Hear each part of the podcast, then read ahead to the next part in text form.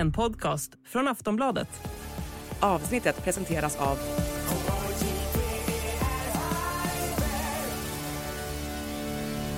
Stödlinjen.se, åldersgräns 18 år.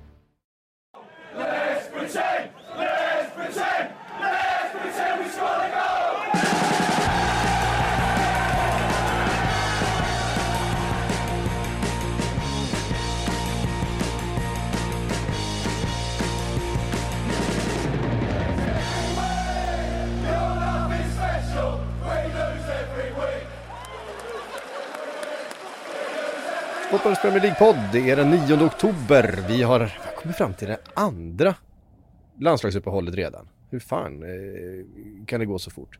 Men det är för många också. Det, det, här gud ja. Eh, Frida Fagerlund heter du, Patrik Syk heter jag och Makoto Asahara tillbaks i poddstudion. Eh, konnichiwa. Konnichiwa. Kul att vara tillbaks. vill bara se om jag kommer ihåg svenska, jag har inte använt det på en månad typ känns det som, så att det kan vara lite ringrostigt. Kör på Eh, japanska du, det är lugnt. Ehm, det är mycket, mycket japaner inblandade i, i, det, my- i mycket som händer. Eh, I Premier League ju.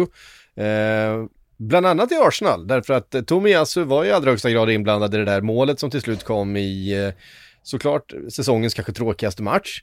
Eh, fram tills dess. Eh, men Frida, Säsongens det- det- tråkigaste match, det var, Ja, det var väl att lite ta i kanske att ta i, men det är också för att man förväntar sig så mycket grejer utav, eh, alltså seriefinal och så vidare och, och allting som hände i våras när de här två lagen mötte och Manchester City som växlade upp och spelade en helt utomjordisk fotboll. Eh, Arsenal fick sin revansch. Det är inte helt unheard of att Pep gör så här också, bara försöker stänga ner en match eh, när han märker att ja, vi, kan nog, vi kan nog kryssa till oss eh, den här poängen och sen så litar vi på att vi kommer ta fler poäng än motståndarna i de övriga matcherna. Han har gjort det mot Liverpool flera gånger, det har varit några av de absolut mest tillknäppta eh, tillställningarna också. Och så var det Fast, fram fast, tills också, att... ja, fast också några av de roligaste matcherna får vi inte glömma bort. Man City mot Liverpool. Det har också varit några väldigt underhållande, för när det inte lyckas och man måste börja skruva på det, då finns ju all den här kvaliteten där. Nu händer det ju väldigt lite i matchen igår. Det var ett ställningskrig på så många sätt. Eh, och två lag som hade huvuduppgiften, bjud inte på någonting. Därför att ja, vi, vi kommer ju märka, vi kommer prata om det i andra matcher här, att på den här nivån och bland de här bästa lagen, det handlar om att inte bjuda på någonting. Då David till. verkade ju inte riktigt tänka så, eller liksom hela den, det var ju många gånger man satte hjärtat i halsgropen där när han, när han ska visa sina fina fötter, det var när Alvarez var framme och petade och sådär också som, men eh, det är ju en del av Artetas plan. Alltihop. Absolut. Frida, du var där. Det var eh, stämning efter slutsignal eh, kan jag tänka mig, men det var eh, nervöst kan jag tänka mig under ganska stora delar av matchen också. Ja, ehm, ja, David Raya var väl den spelaren som personifierade det allra mest möjligtvis. I övrigt så tycker jag ändå att Arsenal, ja men framförallt backlinjen gör en väldigt bra insats. Tänker på William Saliba och Gabriel. Jag tror knappt att de, jag har sett dem göra en så mycket bättre match tillsammans tidigare. Eh, Den var i alla fall högt uppe på topplistan och eh, jag menar, Holland syntes ju knappt, vilket kanske är det det bästa betyget man kan få som mittbackare. Mittbackare som mittbackar.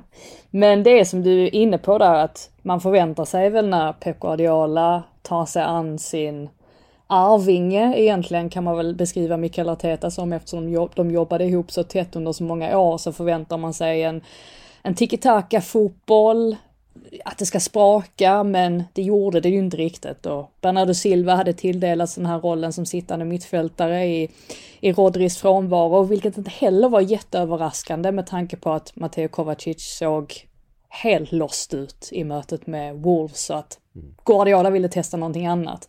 Och Silva tog ju inga risker, utan det var korta passningar, han hade ju uppenbarligen blivit tillsagd att han skulle dra ner på tempot och det inverkade ju på matchen.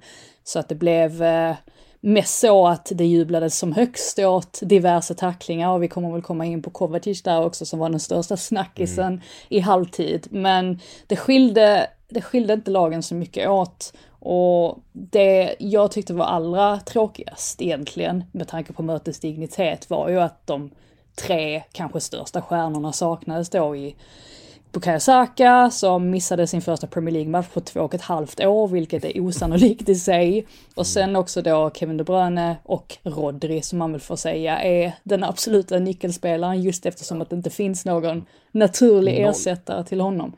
Ehm, Noll poäng för City under den här avstängningen, de här tre matcherna. Ja, precis, och eh, det, det säger väl allt egentligen. Sen att Arsenal lyckas vinna utan Saka, det tycker jag också på något sätt bidrar till att den här segern blir ännu större. Nu satt ju Gabriel Martinelli på bänken och det var också överraskande för att det var inte alla som trodde att han skulle vara tillbaka så här tidigt. Jag tror inte ens att Ateta trodde att han skulle vara tillbaka innan det här landslagsuppehållet. Och han gjorde ju skillnaden i slutändan så att det var viktigt för Arsenal att ha en sån spelare som Martinelli på bänken att kunna kasta in. Eh, för som sagt, det var inte mycket som skilde lagen åt i den här matchen otrolig fingertoppskänsla där när du har eh, Tom Jesus som är inbytt som nickar fram, Havert som är inbytt som tar emot, spelar fram, Martinelli inbytt som, ja, med viss tur då styrningen då sätter det där. Eh, och att Martinelli får komma tillbaka på det sättet betyder hur mycket som helst för Arsenal såklart. Eh, I övrigt eh, Alltså, ja, Håland hade väl 0,00 i XG tror jag. Jag vill bara instämma med eh, Frida som Saliba och Gabriel. Jösses vad bra de var i den här matchen och bara stängde ner allting och City utan Rodri funkar inte helt och hållet. Det kan vi konstatera här nu. Nu verkar ju inte Guardiola helt bedrövad efter matchen ändå, utan han fattar väl att det är väldigt långt kvar att spela. Eh, och att i den här matchen så hade han nog varit ganska nöjd med en poäng också i, i slutändan. Så han spelade för en poäng. Ja, alltså sett, det... sett till hur de började riskminimera i andra halvlek så utan tvekan så var det väl en poäng de Jo, men frågan är liksom om man tittar på Arsenal också. Jag menar, Arteta väljer att spela Jorginho bredvid Declan mm. Rice. Mm. Det säger ju också mycket. Det vill säga att Arteta tog inte heller några risker. Så det var ju två lag som på något sätt insåg att vi har inte våra bästa spelare med oss, så att här måste mm. vi, vi tänka ett steg längre och kanske fokusera mer på att, ja, först och främst försvara vår poäng. Eh, men ja, det var ju en tillfällighet egentligen att, att det blev ett mål i slutändan. Jag menar, Nathan Ake är ju oturlig i det läget får man säga. Ja, han är inblandad i ganska mycket också. Han har ju ett läge precis i början av matchen och, och mm. göra, göra 1-0 för City. Han borde ju göra 1-0 för City. Det, eh, framnickad av Håland där. Eh, men sen är det han själv som styr in den via ansiktet. Och det är ju så här, om han inte försöker dra undan huvudet där utan bara får den rätt i nyllet, då tror jag inte den studsar in. Det blir som att han, eh, att han styr in den lite grann, han försöker vika undan eh, ansiktet och få bollen på kinden och så eh, in i mål.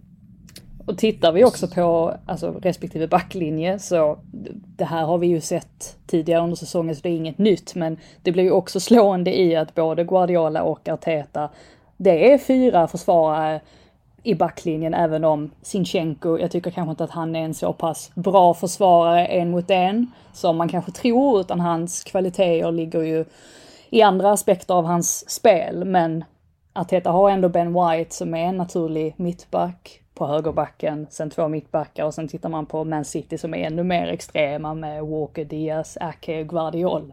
Um, ja, det, det säger någonting om utvecklingen tycker jag också inom den moderna fotbollen, toppfotbollen, att eh, det har blivit lite mindre risktagande än vad det har varit tidigare. Att eh, det på något sätt är viktigare att stabilisera de bitarna än att bara förlänga framåt med en massa offensiva spelare. Det tycker jag märkte också i Citys alltså speluppbyggnad och offensiv hur lidande de ändå i den här matchen i alla fall blev av att man har de försvararna. Alltså Guardiols fötter är ju inte de bästa. Det var ju flera bollar som han slog som var liksom helt utan adress och framförallt så var det helt utan adress för att de inte har några renodlade ytterbackar så det var ju ingen som fyllde ut i de positionerna där bollen flög till.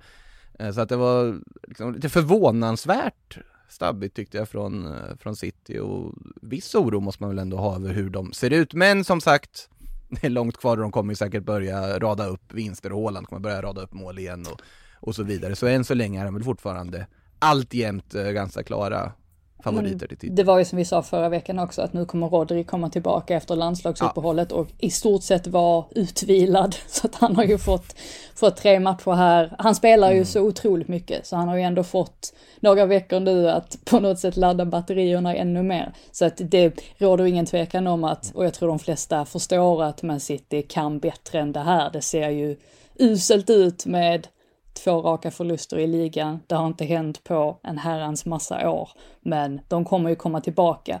Å andra sidan så tycker jag också att det som är roligast med den här säsongen, som vi väl ändå kan hugga fast lite nu trots att Man City fortfarande är favoriter, det är ju att det handlar inte om två lag längre, utan det är snarare tre eller möjligtvis då fyra lag som kommer vara med där uppe i toppstriden och ligga ganska jämnt ändå. Och det är över förväntan, för min del i alla fall, för att tyckte nästan att man hade vant sig vid att det oftast var tvåmanna race. Mm. Men, det är ja. City mot någon som har en bra säsong. Precis, exakt.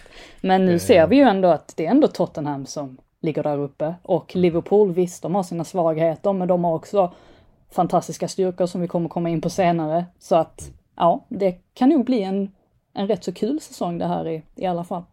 Nu håller vi tummarna för att det faktiskt också förblir så, så att det inte är två lag som springer iväg som vi också har sett tidigare hända. Så att, uh... ja. Shoutout till Calvin Phillips då, som under Rodris avstängning har fått ett inhopp.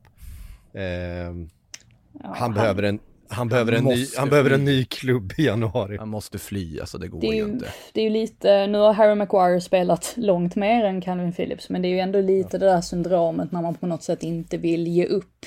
Han har gjort den där flytten och han, han vill inte se sig besegrad på något sätt, men ja, efter det här så undrar man ju om Phillips egentligen, ja, kommer han få ut så mycket mer av att vara kvar? Det är ju tveksamt. Sen å andra sidan så kan jag hålla med Guardiola för att jag vet inte riktigt vem Calvin Phillips är på planen. Var är han som bäst? Jag menar, tittar man tillbaka på EM, EM för ett par somrar sedan, då spelade han ju in en helt annan sorts roll än den man kanske tror att han vanligtvis är som bäst i. Det vill säga, ja, man kanske tror att det är en sittande mittfältsroll, men för England så var han mer någon sorts box-to-box-spelare. Mm. Och eh, ja, det är kanske där han gör sig som bäst. Jag, jag, tror helt enkelt att det är någonting som skaver för Guardiola. Uppenbarligen är det ju så. Eh, och frågan är om han inte har en bättre chans då att flytta till en annan klubb för att få mer speltid. Alltså det finns ju ingen plats för den typen av spelare riktigt när, eh, alltså när du använder Rico Lewis där på mittfältet som i det här fallet också, du, du flyttar in ytterbackar på det här viset. Nu är ju Kovacic är ju en box-to-box också, men du har ju Matteus Nunes som har värvat massa pengar med. Eh, det finns ingen plats för Calvin Phillips på så vis, för jag håller ju med, det är ju mer en alltså, löpstark, bollvinnande mittfältare än en sittande typ på så vis. Att han, är, han, han måste ju bort, det, det går ju inte. Uh, nu i och för sig är det ju sanslöst att Kovacic faktiskt fick spela så länge som han fick i den här matchen med tanke ja, på... Han borde, han borde ha åkt ut där. Ja men det, framförallt, alltså till att börja med så är det ju rött tycker jag den situationen där mot Ödegård där, där han då bara får gult. Men att han sen därefter går in i en liknande situation direkt efter och kommer undan med det, det tycker jag är faktiskt helt sanslöst.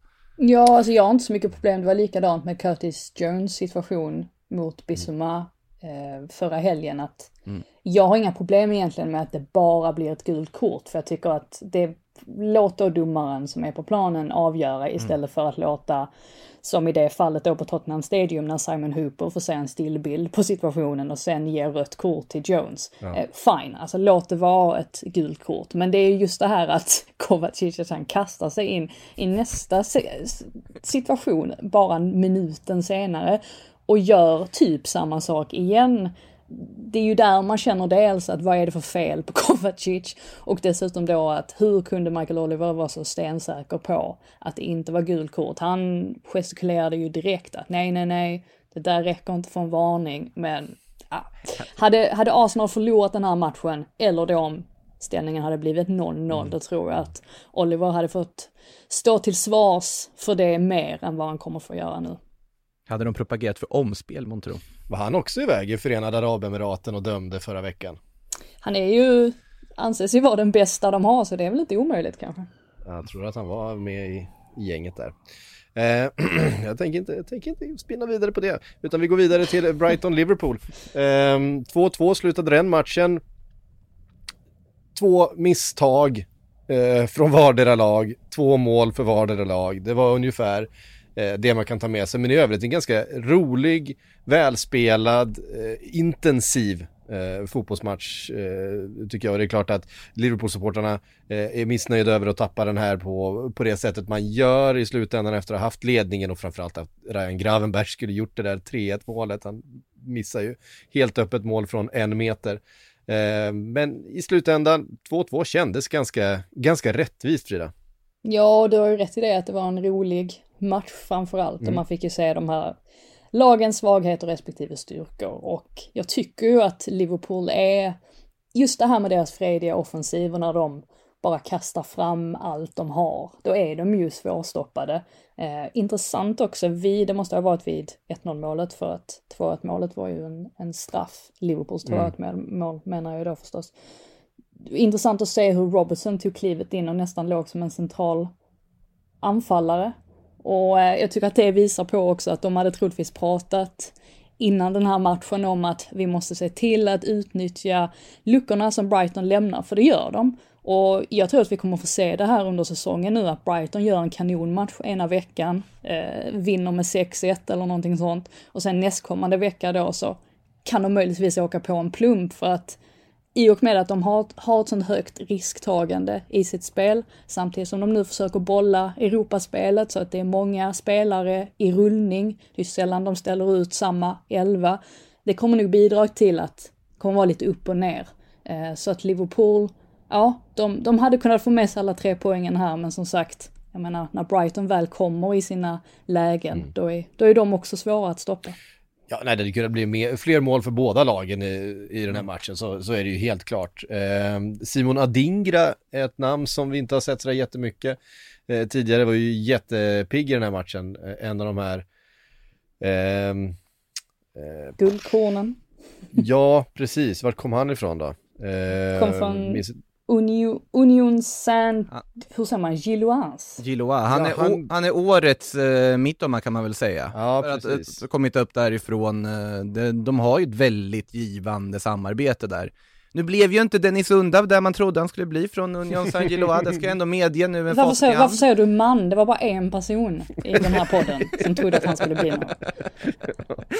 Mittoma däremot, han blev ju verkligen eh, mer och lite där till eh, efter sin fina tid i Belgien. Vi får se om Adingra vilken väg han går, man har ju börjat väldigt pikt i alla fall. Mm. Carlos Baleba har ju kommit in och ersatt Caicedo, var ju väldigt bra den här matchen också. Mm. Även att han har, eh, han har ett par misstag men han har också, tar ju väldigt, väldigt stort ansvar i det här laget. Han, han har mycket, han har mycket boll, mm. eh, men det är också han som ska täcka ganska stora ytor och det är svåra spelare att markera i, i Soboslaj och McAllister och Harvey Elliott eh, och sen kommer Gravenberg in i, i halvtid. Det, det, är inget lätt jobb han har att göra där. Eh, speciellt med, med en Darwin Nunez som också springer runt och, och är Darwin Nunez med allt vad det innebär. Eh, var väldigt, väldigt bra också tyckte jag. Eh, i, igår. Eh, så att en, en jättematch av eh, Baleba som säkert kommer kosta en miljard då nästa sommar när Chelsea en storklubb behöver den. Eh, när Chelsea köper honom. Precis. 2-2 ehm, i alla fall, det var en utav tre eh, oavgjorda matcher eh, som spelades då på söndagen. Ehm, 2-2 blev det nämligen också mellan West Ham United och Newcastle. Två mål av Alexander Isak. Eh, inte de eh, svåraste målen kanske. Det första målet är bra tycker jag. Den, den första touchen eh, har man sett många forwards missa och sen så blir det ingenting av, av den här bollen dimper ner framför fötterna. Det, det är riktigt bra att bara suga in den och, och stoppa upp den i nättaket. Um, Ja, var nu inte sån, för att det, är, det är ju det här alla tjatar om att Isak inte kan, att han inte kan mm. göra mål. Så att nu, nu tycker jag när han nej, väl befinner sig nej, det, det är absolut, absolut, absolut ingen kritik. Jag, jag, jag säger bara att det här är precis den typen av mål och det är ju hur det, hans roll ska vara. Nu ligger han tvåa i skytteligan då bakom Håland som vi kritiserar lite grann men ändå har gjort åtta mål så här långt i på, de här, på de här matcherna. Det är helt orimligt. Ja. Ehm, men, eh, nej, men jättefin match. Han kunde ju också gjort ett, eh, ett hattrick där, ett, ett, ett eh, på slutet när han rundar målvakten och träffar stolpen. Mm. Eh, fick lite bollen under sig precis i, i dragningen, men, eh, men West Ham, de är, de är svårslagna den här säsongen. Jag gillade verkligen det första målet de gör. Visst, Nick Pope går bort sig lite grann, eh, men just det där samspelet, alltså Paketa vet vi är, är den stora kreatören i det här laget, men löpning från Emerson från sin vänsterbacks eh, position när Paketa vinner den bollen och så han kan slå den bollen över eh, Newcastles backlinje. Det är, ett, eh, det är ett riktigt, riktigt fint mål och, och inte så David Moisigt på något sätt. Jag vet inte. Har han, har han utvecklat någonting? Han hade ju för sig den där typen av ytterbackar i Everton för eh, förr i tiden som eh, gavs ut på de där räderna. Är inte Emerson egentligen så här liksom arketypen av en sån här habil offensiv ytterback. Jag har alltid tyckt liksom Emerson Palme, att han, han är bra, man vet precis vad man får. Och det är oftast ändå liksom på en klart godkänd nivå. Eh, jag tycker han är bra. Det har ju tagit lite tid för, ja men framförallt West Hams nyförvärv mm. från förra säsongen att komma in i det. Och eh, de bollade ju också mycket Europaspel, de har fortfarande Europaspel, mm. men de har ju uppenbarligen lärt sig att hantera det lite bättre nu kanske. Eller ja, det är i alla fall så det, så det ser ut. Sen tycker jag ju att, jag menar en sån som Zuzek, vi pratade om honom förra helgen eller förra, i förra avsnittet mm. om att han verkligen har steppat upp sen Declan Rice försvann. Och det fortsätter han att göra. Att det är många spelare som faktiskt ser ut att vara på den gamla goda nivån som vi såg för ett par säsonger sedan när West Ham bara tycktes flyga fram. Så att det är väl en förklaring. Sen kommer ju Kudus in här och gör sitt första Premier League-mål också. Jag, jag gillade hans, hans inhopp, tycker att han ser väldigt pigg ut och kanske kommer smälta in i det här laget betydligt snabbare än vad vissa andra spelare har gjort. Så att eh, nej, det ser rätt så ljust ut för West Ham på ett sätt som jag möjligtvis inte trodde inför säsongen. Jag tänkte att de skulle vara ungefär lika bra som de var förra säsongen, kanske till och med sämre med tanke på att Declan Rice då hade försvunnit och att det eventuellt kunde bli svårt att ersätta honom. Men de har inte haft svårt med det alls. Ehm, sen i, i Newcastles fall så var det väl lite baksmälla från segern mot PSG också. Man kanske bara kan skjuta in att den matchen var ju, eller snarare den prestationen var ju sensationellt bra från, eh, från Newcastles sida. Verkligen. Och den stämningen inne på St. James' Park, um, ja, det, ehm, det kändes hela vägen till London tänkte jag säga. Um, en överdrift, men inte långt ifrån. Mm.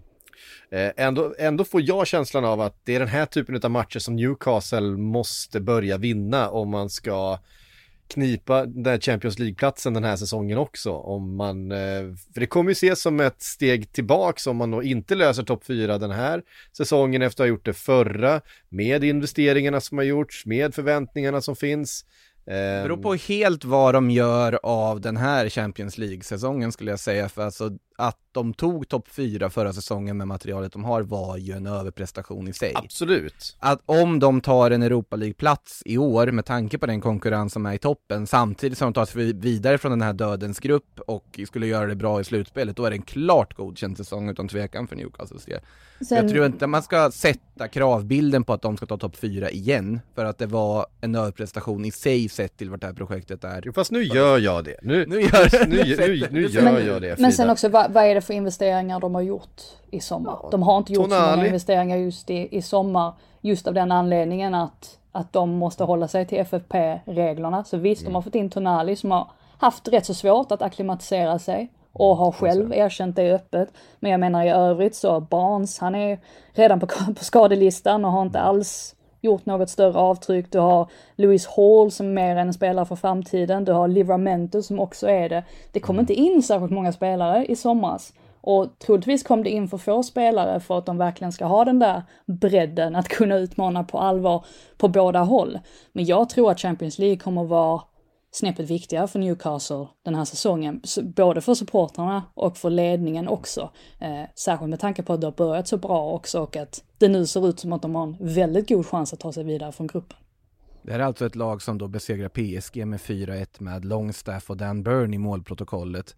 Den, det roligaste där var väl också Dan Burn som fick väl frågan varför han inte bytte till sig Kylian Mbappés tröja och sa att jag har redan tre tröjor hemma. Nu minns inte exakt vilka tre det var, men en av dem Wayne Routledge i alla fall. Och, det räckte, han, han, var nöjd så, det var den man hade hemma. Det var de han hade hängt upp, han vill inte ha fler. Nej, man gillar ju Dan Burn. ja, det gör man Så är det bara. man blir glad. Do you love anime, gaming, movies, and discovering how your favorite pop culture affects everything you do? Then join us on Crunchyroll Presents The Anime Effect. I'm Nick Friedman. I'm Lee Alec Murray. And I'm Leah President. Every week, you can listen in while we break down the latest pop culture news and dish on what new releases we can't get enough of. Whether you love movies, I'm going to tell you all about the uh, hopeful 4K re release of Tron Legacy that happens. I'm right there with you. Or music. The music in this show Yeah. is absolutely incredible. Or anime. And under this mask is another mask. you can discover your new favorites right here on The Anime Effect. Listen every Friday wherever you get your podcast and watch full video episodes on Crunchyroll or on the Crunchyroll YouTube channel.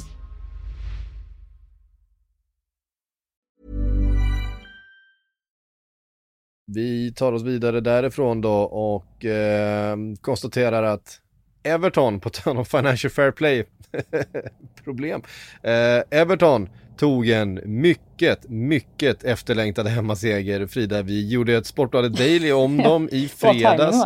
Eh, det är skönt att vi kunde jinxa in tre poäng till, till Everton på Goodison Park och en, en sån där tung, trygg 3-0-seger. Jack Harrison, 1 plus 1, var ju eh, magnifik i den här matchen. Ja, det hade kunnat bli, bli fler mål än så. Eh, och det får man väl dels tillskriva att Bournemouth inte var bra. De ser oerhört naiva ut och har ju inte alls kommit igång den här säsongen. Eh, men ja, Everton kliver verkligen fram och de klev ut hungriga för vi pratade ju i det daily-avsnittet om att de har sett rädda ut på hemmaplan. Att de inte Vilket har... de verkligen har gjort. Ja, de har inte agerat som om Goodison har varit deras borg, eh, alltså ett skräckinjagande ställe att komma till. Men den här gången blev det så och det kändes nästan som att Bournemouth inte var beredda på att Everton faktiskt skulle vara så här bra. Lite grann som Brentford också agerade när Everton kom, kom på besök dit för ett par veckor sedan. Ehm, så att ja, Everton får fortsätta göra så här att på något sätt överraska sina motståndare med att faktiskt bry sig och faktiskt ha ett driv och en vilja att kliva framåt för att då blir det ju uppenbarligen bra. Då, eh, då kommer målen och dessutom ehm, så håller man nollan här också och det är minst lika viktigt.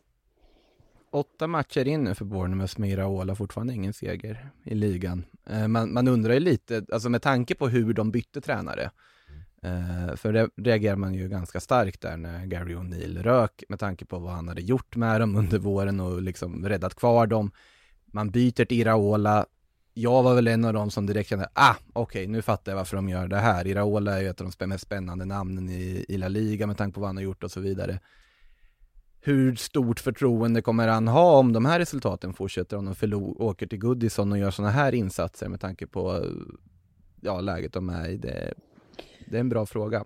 Det var ju nästan exakt ett, ett år sedan som Scott Parker åkte till, ja det var ju också till Liverpool och åkte på den här 0-9 förlusten som i sin tur gjorde att han fick sparken och att Gary O'Neill då plockades in.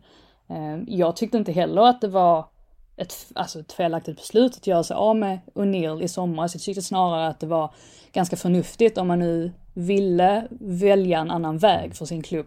Då är det bättre att göra det under försäsongen än att invänta att Ja. O'Neill ska göra ett par dåliga matcher och sen så gör man sig av med honom.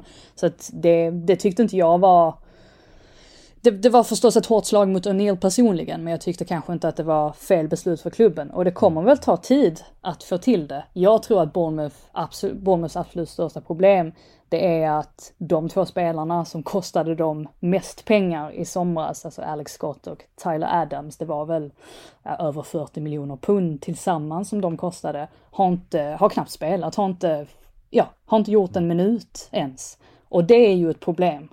Värvar, värvar man in spelare för de summorna så vill man ju självfallet att de ska göra avtryck omedelbart. Då. ja, det har vi inte sett än. Det har ju varit en del skador också på spelare som ska vara bärande, tänk så här Dango Atara och så vidare som ska växla upp nu efter första liksom akklimatiseringsvåren. Eh, Det finns ju alla möjliga andra spelare där också som, som är väldigt spännande. Jag tycker ju om sättet de har agerat på transfermarknaden överlag, eh, Bournemouth, men eh, Jag tycker ju Dango Atara, han är ju väldigt upp och ner också. Han kan ibland göra vissa vansinnesinsatser. ja men det är ju när det är upp så kan det bli väldigt roligt, det är ju snarare det. Um, Gary O'Neill som nog fortfarande aldrig har gjort en försäsong som tränare i sin karriär. jag, tycker, jag vill att han ska ha sparken i, i maj och sen ska han få ett nytt jobb i augusti. Det hade varit roligt för han bara fortsatte gå igenom sin tränarkarriär utan att behöva göra en enda försäsongsmatch eh, som tränare. Eh, men det så kommer det antagligen kanske då inte bli om han fortsätter leverera på det här sättet med Wolverhampton som ju jag i alla fall eh, hade väldigt låga förhoppningar eh, för inför säsongen. Men de har ju Pedro Neto va? Och med Pedro Neto i laget så kan vad fan som helst hända. Framförallt har de väl sett Korean guy för att citera Pep Guardiola. Eh, Wang Yichan. Wang Yichan, eh, jättebra. Men nej, han, han, som sagt, utan Pedro Neto så hade de inte tagit många poäng den här säsongen. Det, det är verkligen känslan. Alltså sättet som han fullständigt, alltså vi har ju sett det flera, i flera matcher nu. Han bara tar bollen, tittar på sin ytterback och sen bara, ja, hej då. Alltså som han slaktar Pau Torres vid, eh, vid 1-0 målet där. Det är helt sjukt, för det är ingen nybörjare heller, han, han, bara, han bara rundar. Det är, det är liksom en spansk landslagsback eh, som han krossar på det sättet. Han är i en hysterisk form, eh, Neto, Frida. Ja, han blir inte kvar där länge. Nej, det blir han inte. Tyvärr för Wolves eh, del. Sen var ju den här matchen, eh, ja, den var ju aggressiv, särskilt där under första halvleken. Jag vet inte, det var mer brottarmatch än fotbollsmatch egentligen. Eh, sen kom ju målen till slut från, från båda håll. Och eh, ja, Wang har väl gjort fem mål nu, vilket ju är väldigt bra, särskilt för att vara en mm. striker i Wolves. Det är oftast det vi hur många. Hur många, hur många av dem har, har eh, Neto spelat fram till? Fyra i alla fall va? Ja, det... Ja, jag kan i alla fall Känns komma på tre så här direkt. Ja. Men, eh, ja, nej, det är säkert men... fler än så.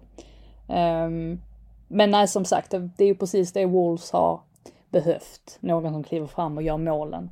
Och eh, när man dessutom har Pedro Neto i en, en sån pass god form som han är i så hjälper det ju till givetvis. Eh, sen i Villas fall så Watkins, det är väl Watkins jag tror det är som får en jättechans där på slutet. Sista, när det sista bara är... som händer i matchen ja. Ja, och så att det hade, det hade kunnat gå åt båda håll det här. Ja. Eh, sen efter matchen dessutom så skakade ju inte ens O'Neill och Emery hand. Det var lite, det var lite hetsk där också, hetsk stämning mm. mellan de två. Det var väl att O'Neill hade tagit lång tid på sig eller någonting sånt och stått och pratat med fjärde domaren. Så att Emery bara gick. Så att eh, nej, det var eh, riktigt irriterat på Molyneux får man säga. Jag förstår om eh, Watkins nick där hade suttit och inte gått i stolpen med tanke på att vi var uppe på typ 14 minuten eller vad det var mhm. då också av 12 annonserade tilläggsminuter. De har fått liksom, man väntar bara på att domaren ska blåsa, han har visselpipan i munnen. Men de får det där sista läget, de får det där inlägget och Watkins dyker upp och blir mål. Där hade det blivit riktigt dålig stämning hos, eh, på bänken med Gary Neal kan tänka sig. Mm. Um. Ja, eh, Wolves Villa, om vi hade gått tillbaka ett par månader så hade det varit eh, en match man inte hade trott skulle vara så här jämn. Och det, eh, det var den verkligen. Jag tycker, tycker Wolves imponerar eh, fortsatt. Ska vi säga att Pau Torres också gjorde 1-1 målet? Han, gjorde han, in, han blev inte bara liksom eh, slaktad av Pedro Neto utan eh, placerade ju fint in 1-1 också ja, där. Det, det gjorde han eh, absolut. Eh, ett lag som fortsätter gå bra är Tottenham. Nu var det med en eh, lite mindre marginal, ja det var inte speciellt stora marginaler mot Liverpool, men det var å andra sidan Luton man mötte den här gången. Eh, 1-0 fick, fick räcka, räcka, Frida.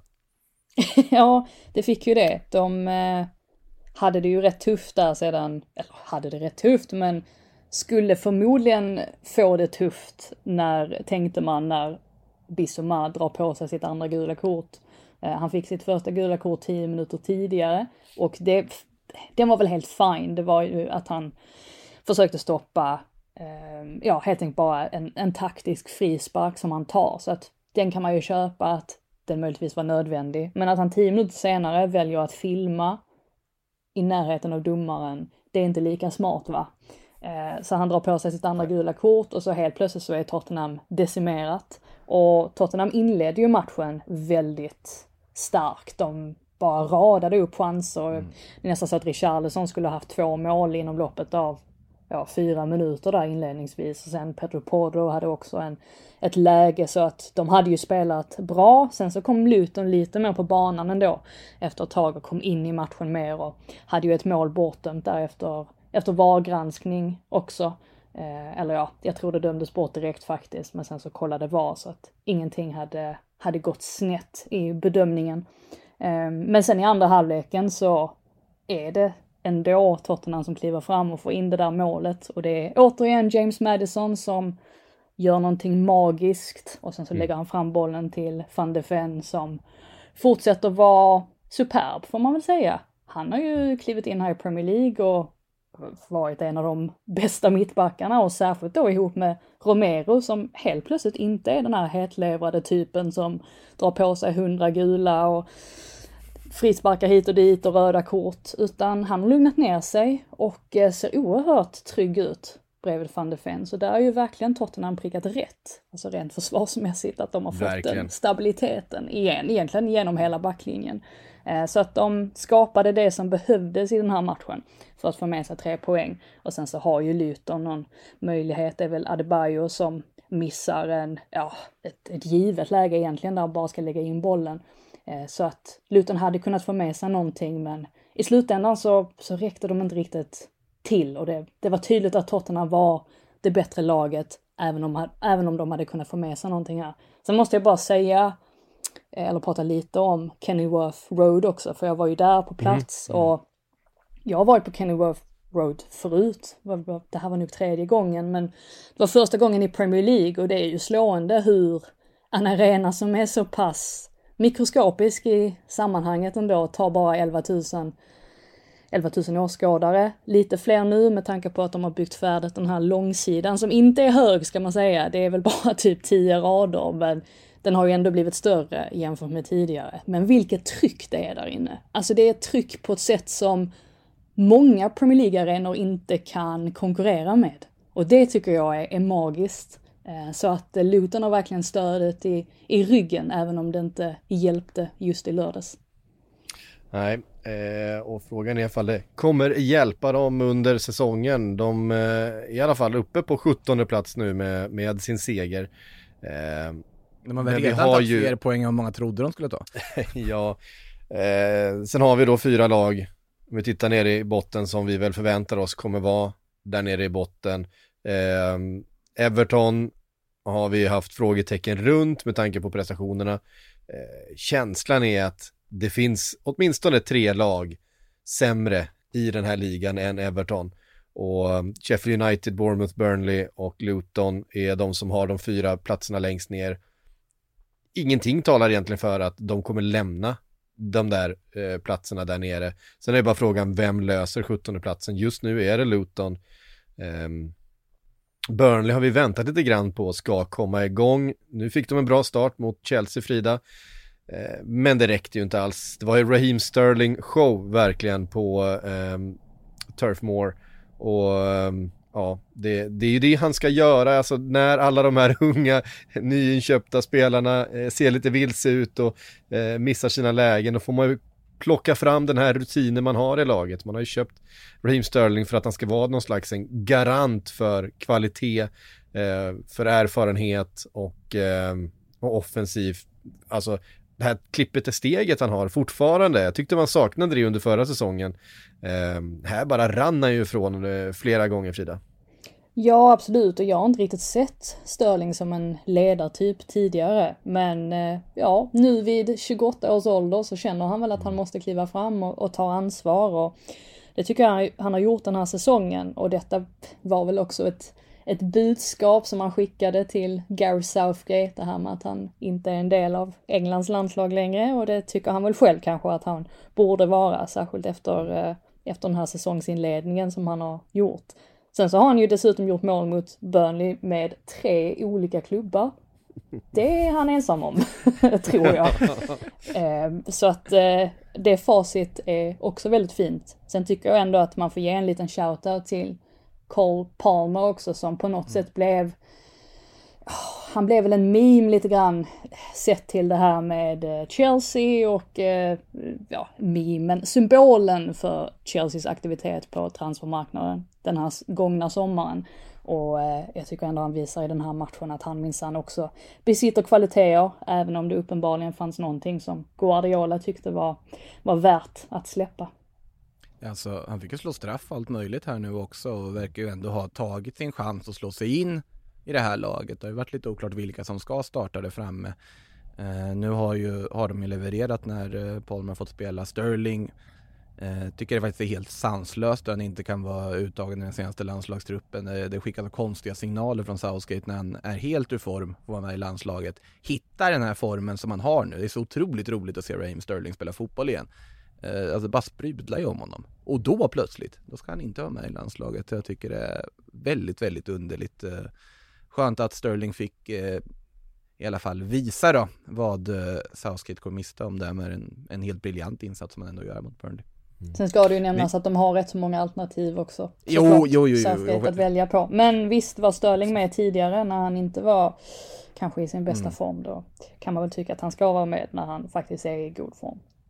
Lite så. Eh, Nico Jackson fick göra ett mål också, det behöver han.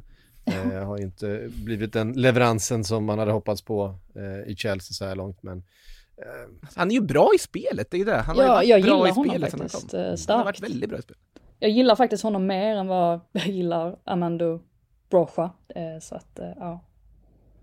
Alltså jag tycker väl att Jackson är en bättre forward än Brocha i grunden också, också i spelet och så vidare. Sen att har det ju varit ren otur stundtals nästan när han har bränt superlägen och inte fått det att stämma. Att han får det där målet var nog jätteviktigt. Så att han kan kanske komma ikapp då kvoten av gula kort. Han har ju fler gula kort än mål hittills i alla fall. För han lyckades ju rekordsnabbt bli avstängd där nu eh, tidigare. Får se om han kan börja göra mål istället för att ta varningar nu. Ja, inga gula kort eh, på honom i den här matchen i alla fall. Däremot eh, en, en hel del andra i, i, eh, i Chelsea och eh, Mark Cucurella bland annat som har fått en del förtroende nu eh, på sistone. Han ska göra det lite bättre tycker jag på Burnleys mål där i början. Eh, försvarsmässigt mm, Alltså ska man spela Cucurella då måste han upp i banan tycker jag. Han måste spela, han måste ha större offensiv frihet än vad han, eh, än vad han har just nu i det här, i det här systemet. Eh, känns som för att eh, tyckte inte det såg speciellt bra ut. Ja, det är konstigt, han har blivit en mycket mer så här defensivt präglad spelare utifrån eh, liksom tränares synvinklar sedan han kom till England. Alltså i Spanien så var han ju en stormande ytterback där som bara ja, ägde sin kant mer eller mindre och man tänkte vad Barcelona har tappat för någonting. Brighton så var han plötsligt spela i en trebackslinje ibland och lite annat och i Chelsea så har han ju haft en sorts rakt defensiv roll som han inte heller har skött särskilt bra ska vi säga. Så han hade ju verkligen ingen bra första säsong. Sen tycker jag att det är en spelare som har väldigt stora kvaliteter egentligen, har väldigt stor potential. Han är fortfarande ganska ung ska vi komma ihåg också så att det är väl väldigt positivt för Chelseas del att man ändå spelar honom nu och att han faktiskt får förtroende och sånt. Det tycker jag att han förtjänar och behöver. Och andra raka segern för Chelsea. Mm. Ja, det, det är ju viktigt. Jag tänkte bara säga det också, um, alltså just kring Kukurea och hans positionering och sådär, att det är lite mer defensivt. Jag menar, det var ju Pochettino som beklagade sig för ett par helger sedan, det var väl efter mötet med Bournemouth, om att han, han vill inte att hans ytterbackar ska vara speciellt offensiva, eller han tyckte i alla fall i den matchen att de var lite för offensiva och hamnade i vägen för yttrarna.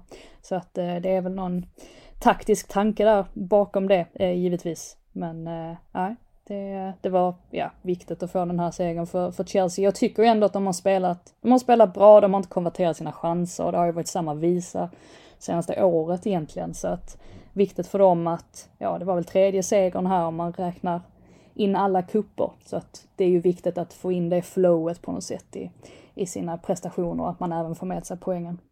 Mm. Utan tvekan. Eh, med det så beger vi oss över till till Old Trafford, Manchester United, på tal om att få med sig en seger. Den, den, trodde, den såg man inte riktigt komma med tio minuter kvar att spela ungefär, eh, Frida. Nej, eh, det gjorde man inte. Och det, det är så intressant också att så kommer Scott McTominay in och sen så ligger han bakom de här två målen och nu ropar alla om att McTominay måste få fler chanser och nu är han bäst i världen. Det är ju det är jämnt så här. Sen kan jag Ja. hålla med om att jag tycker att McTominay har rätt inställning. Alltså han har ju en, en attityd som ibland saknas i Man United, just det här med att de är ganska dåliga på att hantera motgångar och att lyckas resa sig igen. Och där tycker jag att han är en sån person som faktiskt har de egenskaperna, att han kan driva på och han kommer in med sin energi och sådär. Sen var det lite gulligt att han sa att han hade suttit och kollat på David Beckhams nya dokumentär på Netflix dagen innan och att den inspirerade honom till att eh, ja, steppa upp. För att han insåg väl och han är väl en sån spelare också som inser vad det betyder att representera Man United. Det, det har ju nästan blivit en meme här, det här med att experter varje gång Man United förlorar eller de pratar om Man United i stort så säger man alltid Ja, liksom, för det här, det här är Manchester United. Bara den meningen ska få en att förstå hur stort det är att spela för den klubben. Men jag tror verkligen att McTominay förstår det. Att han har tagit till sig det. Och det är möjligt att David Beckham hjälpte honom lite på traven också. Det här var ju landslags-McTominay, för där öser han ju in mål. Han är ju, han är ju brutalt bra i, i skotska landslaget som ju i sig går hur bra som helst just nu. Spelar lite högre upp där, han hamnar ju oftare mm. i de här positionerna som man gör här på slutet i den här matchen. Mm. Nej men alltså det behövs ju den typen av, av spelare som alltså verkligen brinner för klubben på det sättet som McTominay gör. Det eh, finns ju andra i det där laget som kanske inte gör det med eh, samma frenesi och hade steppat upp på samma vis om vi säger så. Eh, sen måste man ju säga fint också att Maguire fick ligga bakom det 2-1 målet när han dyker upp där och, och spelar fram med den där nicken, det tycker jag ändå.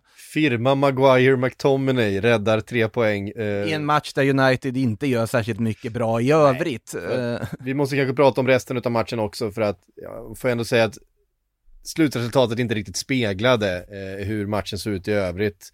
Eh, 0-1 till Brentford var ju ett eh, kollektivt, eh, jag vet inte vad, eh, utav Manchester United.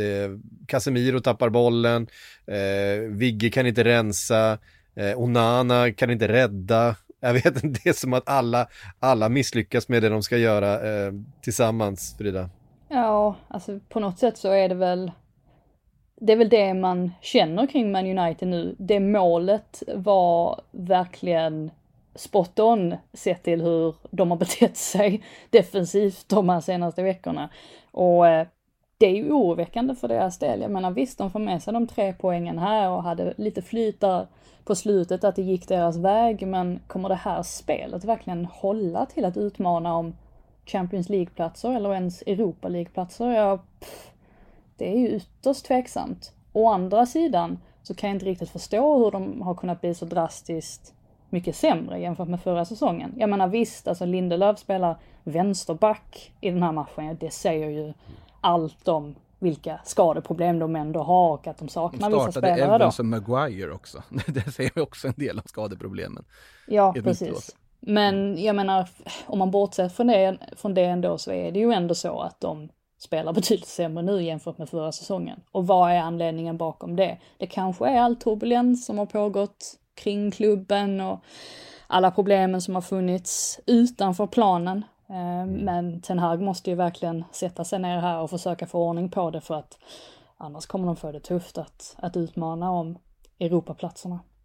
Alltså det finns ju en del nyckelspelare som också är markant sämre den här säsongen. Marcus Rashford har ju inte alls sett ut som han gjorde under förra säsongen än, inte alls kommit igång. Eh, Casemiro. Casemiro har checkat ut. Han, han har ju gått på semester nu. Det, det var ju det man var lite hade farhågor om att han skulle göra redan förra säsongen när han kom från Madrid. Då höll han nivån och levererade. Nu verkar ju dock Casemiro till slut ändå har checkat ut. Eh, för att han, han är inte i närheten av den spelare han var förra säsongen. Eh, Bruno Fernandes har inte heller riktigt lyft på det här sättet som United behöver. Jag tycker väl i och för sig att han är borde komma undan mer än vad Rashford Casemiro kanske ska göra i kritiken här också. Men det är ju många spelare som inte har varit lika bärande, lika bra som de var förra säsongen och då blir det ju överlag ett sämre lag. Lägg till alla skador och så vidare de har haft. Ja, lägg till värvningen av Onana också för att visst, jag tycker inte att det här ingripandet som han gör i den här matchen vid, eller ja, icke-ingripandet mm. vid Brentfords mål, jag menar det är inte den värsta, det är inte det värsta ingripandet han har gjort den här säsongen. Nej. Men det var ju ändå en stor förändring för Man United att få in honom och sättet mm. han spelar på att han mer vill ha bollen vid fötterna. Och med en backlinje då som ständigt byter eh, spelare och det är någon som blir skadad hit och dit, man får in kontinuitet där.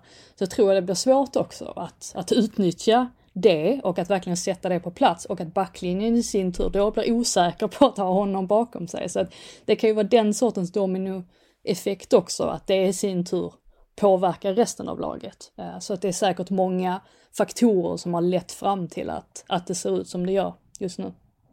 Och Nana ska vi komma ihåg när han var som bäst i, Inter då förra säsongen, jag tyckte han var helt strålande. Då hade han ju en trebackslinje med ganska bollskickliga försvarare framför sig. Han hade spelat som Bastoni, eh, Darmian, Skriniar, det var, det var liksom en trebackslinje med väldigt duktiga spelare framför sig som, som gjorde att det funkade. Här har han ju inte haft riktigt samma stöd heller eftersom att som du säger Frida, det har ju kastats om huller om buller i det där försvaret. Sen vet jag inte om det kommer hjälpa när han får mer kontinuitet när du har Lisandro Varan som är friska som spelar framför honom. Om det kommer att uh, lyfta hans insatser eller inte. Men hittills har det ju inte sett ut som uh, man hade hoppats att det skulle göra för honom i alla fall. Mm. Ja, eh, det är ett uh såklart, alltså det här skadorna i Manchester United är, är, är ju brutalt och tunga och, mm. och påverkar ju hela sättet de kan spela fotboll på. Eh, Maguire, Evans och Alltså, alltså Victor Lindelöf tycker jag är tillräckligt bra för att spela mm. och, och, rulla från backlinjen och, ja. och bygga upp ett spel. De andra två tycker jag inte är det.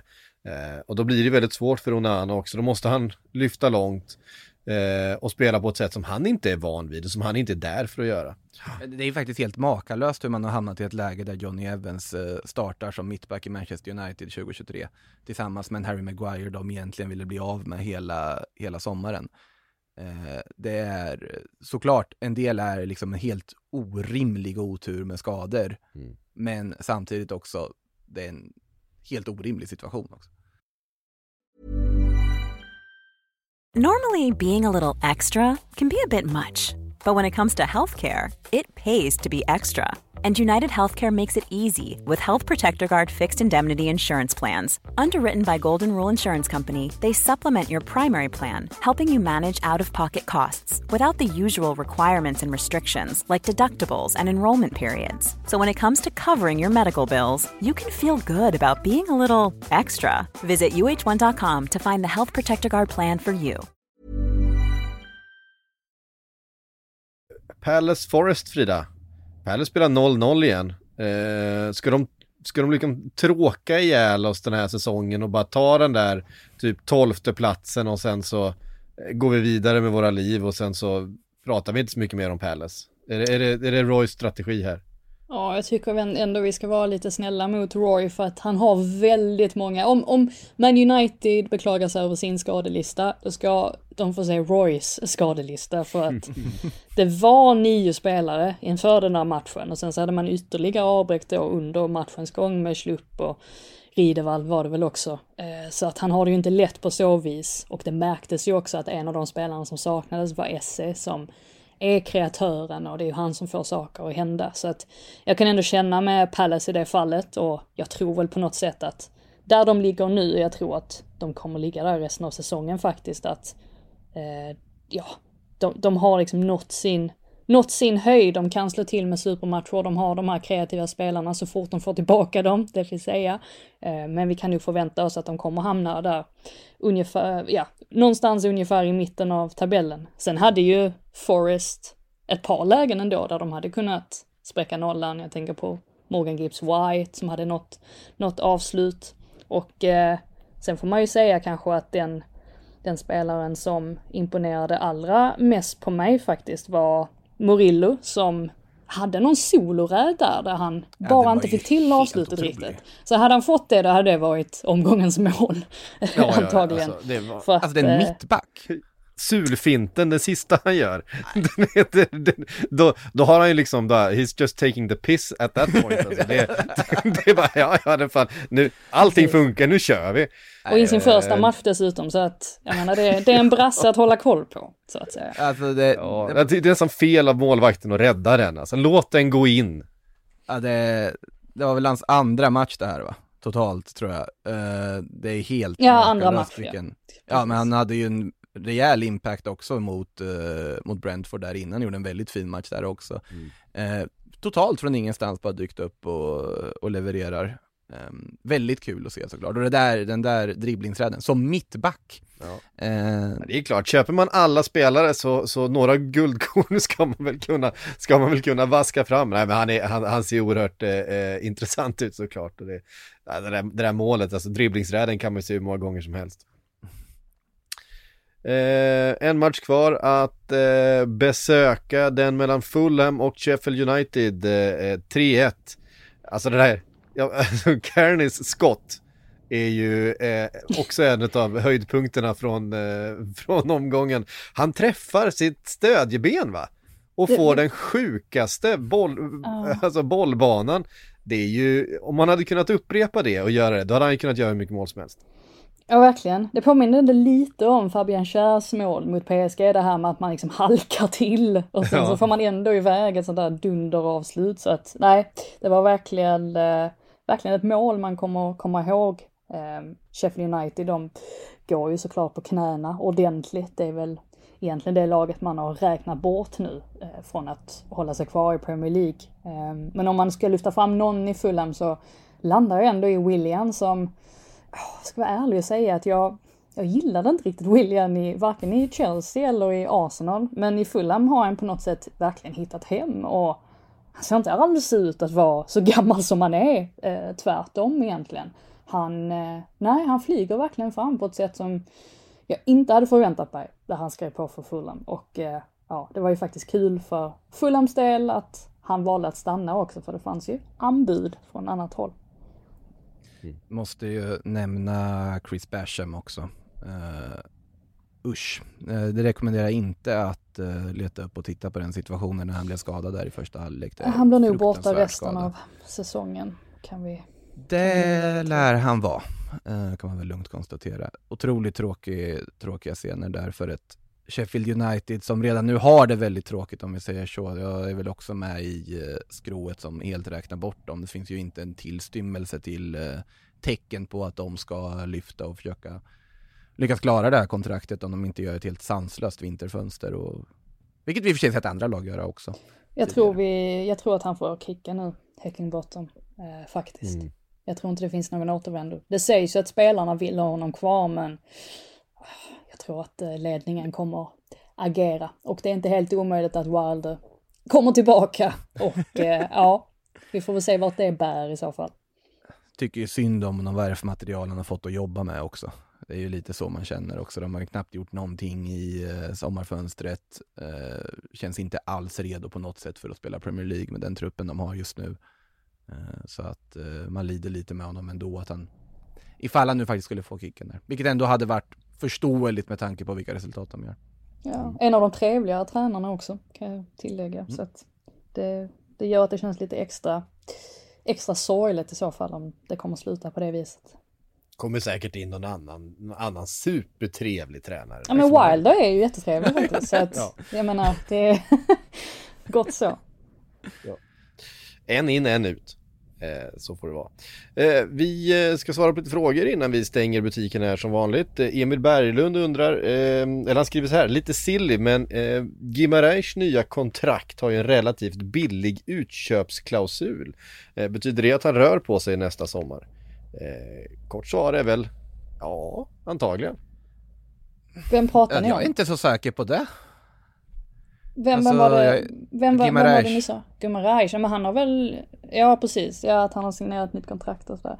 Nej jag, Mm. jag vet inte heller riktigt hur han tänker, han verkar ju trivas väldigt bra i, ehm, i Newcastle. Men eh, ja, det vore inte konstigt om det kommer någon annan klubb och, och plockar honom. Sen eh, har han väl varit, han har varit bra den här säsongen eh, och varit sensationellt bra i, i vissa matcher men han, han hade det ju ändå lite svårt där efter att han hade kommit tillbaka från sin skada att liksom hitta tillbaka till den jättehöga formen. Eh, eller jättehöga nivån snarare som han var, låg på förra säsongen. Eh, där har man inte riktigt sett honom konsekvent över en lång period än. Men att han har den förmågan, det, det råder det ingen tvekan om. Ja men alltså, jag tror väl också att det skulle ju vara om Newcastle helt missar Europa eller någonting och det kommer ett bud. Så kanske han kan tänka sig dra, men så länge Newcastle-projektet går i den riktning det gör och han har som bärande del av det och han får spela Champions League-fotboll och får vara med och krossa PSG liksom, då, då tror jag att han, han har nog så mycket tankar på att dra någon annanstans. Sen tror jag det är svårt, om, om Real Madrid kommer och säger vi vill ha dig. Jag tror det är svårt för en spelare nej, men som en Real, brasse Real Madrid och Barca är en annan att- kategori. Ja, de, de, de kan alltid värva där de vill ha. Ja, jag tror inte, alltså särskilt för en brasse då. Alltså de har ju ändå, deras makt så att säga, Real Madrids och Barcelonas har ju ändå blivit mindre de senaste åren. Men jag tror att för en brasse så betyder det oerhört mycket att representera någon av de klubbarna. Så att där hade han nog haft svårt att tacka nej. Det hade också varit oerhört Real Madrid till läget när de inte har några ytterbackar och ingen eh, tydlig central forward förutom José Lu värva Bruno Guimaraes i nästa fönster istället och addera ännu en innermittfältare till skrovet. Mm. Han hade inte gjort bort sig i Barcelona just nu. Det är bara... Han hade passat där.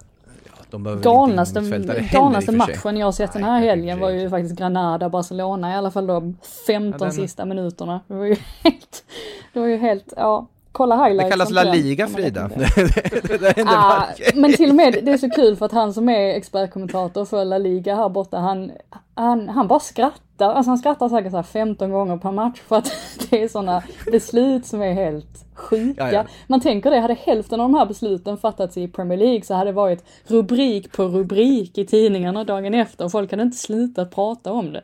I La Liga är det så här, ja ja, eh, ett bortdömt mål här för en incident som ingen förstår men skitsamma, spela vidare. Och så är det Barcelona som man klagar på korruption och att det är uppgjort att Real Madrid har vunnit ligan. Så så är det andra hållet på att Barcelona är under utredning för korruption mitt under alltihop. Ja. Det, det där är en vanlig La Liga-helg Frida. Ja, det, det, det, jag var liksom fysiskt utmattad efter att ha sett den matchen kan jag säga. Eh, eh, på tal om fysiskt utmattad, Josef Chabo skrev lite tidigare i veckan här, eh, fråga till Premier League-podden, varför tar inte klubbar klagomål på till exempel domare till KAS? Eh, eh, det är dyrt, KAS lägger sig inte i risk, eh, resultat, risk för reprimander, vid förlorat mål, annat, diskutera gärna i podden. Eh, ja, alltså jag tror helt enkelt att det är, är inte lönt. Nej, det är Eh, inte Kas värt. skulle bara säga, det skiter vi i. Eh, Ja. Get on with it. Vi har annat på vårt bord.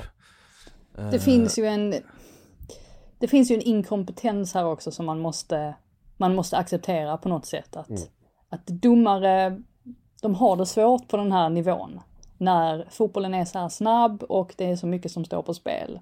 Eh, Jag tror att det är helt enkelt så att vi kommer få se de här mänskliga misstagen trots VAR, trots att vi trodde, eller vi, vi trodde, men de som instiftade VAR trodde ju att det skulle sudda bort alla mänskliga misstag. Men det kommer inte göra det, utan det kommer fortsätta vara på det här sättet. Och ja, det, det är ju vad det är på något sätt. Sen kan man ju diskutera huruvida det då är bättre att ta bort VAR helt och bara gå för de mänskliga misstagen som sker av huvuddomaren. Men jag tycker väl att vissa aspekter av VAR funkar ju ändå. Men nu måste man ju på något sätt sätta, sätta det på plats så att det inte blir sådana här diskussioner efter varje helg för att det är ju tröttsamt. Ett större problem är ju det som Peter tar upp i, i kommentarerna här som frågar problematiken när Premier League-domare dömer i Saudi. Ja, nu var det inte Saudi, det var ju Förenade Arabemiraten, men det är ju skitsamma. Att Premier League-domare är iväg och dömer i andra ligor under veckor där det är Premier League-matcher till helgen. Eh, det är ju ett problem för trovärdigheten såklart, eh, som domarna redan sliter med. Ja, och sen får de ju inte så pass mycket betalt ändå, ska man komma ihåg. Alltså Premier League-domare. Så får de då tre, tre eller fyra gånger så mycket i, i Förenade Arabemiraten. Vad är det då som gör att de ska hindras från att åka dit och döma de matcherna? Jag tycker ändå att man, eh, absolut, jag kan förstå alltså personen som ställde frågan. Jag tycker också att det är konstigt att det får ske. Men samtidigt så har jag ändå förståelse för att man som domare ja men kan man få så mycket pengar ändå på något sätt som man inte får i Premier League och det är helt fine för ens chef att man åker dit och gör det någon gång då och då. Ja, då kan man, väl ändå, kan man väl ändå förstå varför de tackar, varför de tackar ja. Sen finns det ju andra aspekter som de etiska aspekterna som man tänker att det hade väl gjort att man personligen inte hade gjort det. Men nej, jag, jag tycker på något sätt att det är säkert någonting som kommer tas upp i PGMOL. Att de kommer att utvärdera det och känna att ja, vi, vi kanske inte kan tillåta våra domare att frilansa på det sättet. Men eh, så som det ser ut nu så kan jag väl ändå se det från, från båda sidor på något sätt. Alltså man bortser från de uppenbara etiska aspekterna och så vidare så är jag väl lite inne på det. Jag säger också att alltså de domare åker iväg och dömer Europamatcher mitt under veckan också. Det är också frilansjobb. Ja, om vi bara pratar slitage så är det väl just att man reagerar på att de åker till Förenade Arabemiraten och Saudiarabien. Det är de rent etiska aspekterna i det. Men slitagemässigt så är det här domare som är ute och dömer eh, Europamatcher, om det så är liksom Europa Conference League-match nere i Armenien eller någonting så kan de vara där och döma också innan de ska två dagar senare tillbaka och döma en match i Premier League. Så att den här liksom belastningen på så vis finns ju ändå. Eh, sen vet jag inte, liksom, jag ska inte uttala mig exakt hur domarbelastning påverkas av matcha, tätt matchande på samma vis som spelare och hur det ligger till, men eh, ja, ja, det är ändå en, såklart att man reagerar ändå på att eh, domare åker iväg på så vis, men eh, samtidigt, de får mer pengar för ett jobb som också är lättare för att det är mycket lägre tempo och du har mindre blickar på dig och du får mer betalt för det. Sen, sen tänker jag också, jag ska inte sitta här och försvara domare så direkt, men de får Jo, väldigt, väldigt mycket måste- skit. Alltså varje helg, tänk att ha ett sånt jobb där du hängs ut på det viset varenda vecka. Ja, ja. Det, och de får inte, de tjänar inte lika mycket som fotbollsspelare ska man ju tillägga också. Så att det är nog svårt att hitta kandidater överlag, alltså folk som vill vara domare. Jag kan tänka mig att de absolut bästa som eh, kanske inte har lika lätt att bara stänga av andras åsikter och glåpord och så vidare, de faller nog bort relativt snabbt tyvärr. Och då står man med en grupp som inte är den mest kompetenta och det är ju där i pro- själva problemet, eller kärnproblemet, finns. Att vi inte har tillräckligt bra domare. Och varför har vi inte det? Jo, men vi kanske måste göra någonting åt själva arbetsmiljön då för domare. Så att det är väl ett helt kretslopp på något sätt som har fallerat. Och alla de här som är kvar i Premier League är sådana som då har kämpat sig igenom de lägre divisionerna där det kanske är ännu mer hetsk stämning, ännu mer närgånget, ännu mer på så vis. Eh, och fått ta väldigt, väldigt mycket skit på sin väg upp på olika sätt och vis. Eh, sen eh, är inte det här en del av huruvida de ska åka till, eh, till liksom Förenade Arabemiraten och, och casha in under veckorna mellan Premier League-matcher. Nej, Det är för som sagt, det kan man ju ha, det kan man ha åsikter om. om Där kan man ha åsikter, där kan man onekligen ha åsikter göra om. det. Liksom. Men, Men här inte- borta, det är inte det- det ska arbetsbelastningen som är den stora åsikten här. Ja, är där men det ska tilläggas också här borta att man har ett annat synsätt på Förenade Arabemiraten, Dubai, Qatar, Mm. alltså alla de länderna. Och visst, det, det fanns jättemånga journalister här borta som var drivande, framförallt eh, kring VM då i Qatar, att, eh, ja, men som hade ett väldigt kritiskt öga. Men jag skulle nog våga säga ändå att majoriteten av befolkningen är lite så här, ja, ja, man åker till Saudiarabien ett år och jobbar där, det är fine. Eller man åker på semester till Dubai, det finns liksom ingen finns inte så mycket, finns inget kritiskt förhållningssätt. Inte på samma sätt som det finns i Sverige. Skulle jag våga påstå. Sen skiljer det sig naturligtvis, alltså sett till olika, olika delar av landet och, och sådär och bakgrund och, och hela den biten. Men eh, alla tycker inte att det är problematiskt att åka till Förenade Arabemiraten och, och jobba. Men det men är ju alltså- som sagt en diskussion i sig. England som land har väl ganska täta band med Qatar och Förenade Arab- Emiraten. Ja, men Saudiarabien i alla fall, också. Ja, eh, Saudiarabien med givetvis. Så att det, det är ju också en aspekt i det hela. Eh, ja, nu eh, så säger vi hej då till Premier League-fotbollen i två veckor då eftersom vi har landslagsuppehåll. Eh, blir jättespännande att se Sverige spela helt meningslösa EM-kvalmatcher som eh, inte kommer betyda någonting. Jag tyckte Ja, jag alltså, kan, vi, semester... kan, vi, kan vi våga, våga gissa att Isak kommer, eh, han, är ju, han ska ju ansluta till, till landslaget, men kan man gissa att han inte kommer spela någonting eller alternativt skickas hem? Ehm, jag, jag tror att det kommer bli så i alla fall. Ehm, tror inte att han kommer våga riskera någonting i meningslösa landskamper. Jag tyckte att jag, när man åkte iväg på, på sin eh, lilla höstsemester här, så tyckte jag att jag tog en jättebra timing när det var landslagsuppehåll där direkt. Nu när jag kommer tillbaka så inser jag att jag har ju avslutat det med usel timing när man kommer rakt in i ett landslagsuppehåll. Antingen så, ja, det, det är för många landslagsuppehåll helt enkelt, det är väl det man konstaterar av det. Eh, ja, det är det ju definitivt. När vi kommer tillbaks då är det early kickoff, eh, Liverpool mot Everton. Eh, då kommer vi få se en, eh, kommer vi se en, en sur eh, Jürgen Klopp igen. Han gillar inte sådana ti- tidiga avsparkar. Så är det. Men vi är tillbaka nästa vecka igen och ska försöka sammanfatta det som har, det som har hänt där ute i den stora vida världen utanför Premier League lite grann då kanske. Och svara på era frågor och så vidare. Men härifrån så säger vi tusen tack alla ni som har lyssnat. Vi hörs då om en vecka. We love our pets, but when the floor's covered in fur, that's harder to love. Eufy X10 Pro Omni Robot Vacuum has powerful 8000 PA suction to make hair vanish from floors in just one pass. Plus, the roller brush has automatic detangling for easy hands free maintenance. Want to know more? Go to eufy.com, that's EUFY.com, and discover X10 Pro Omni, the best in class all in one robot vacuum for only $799. Igen.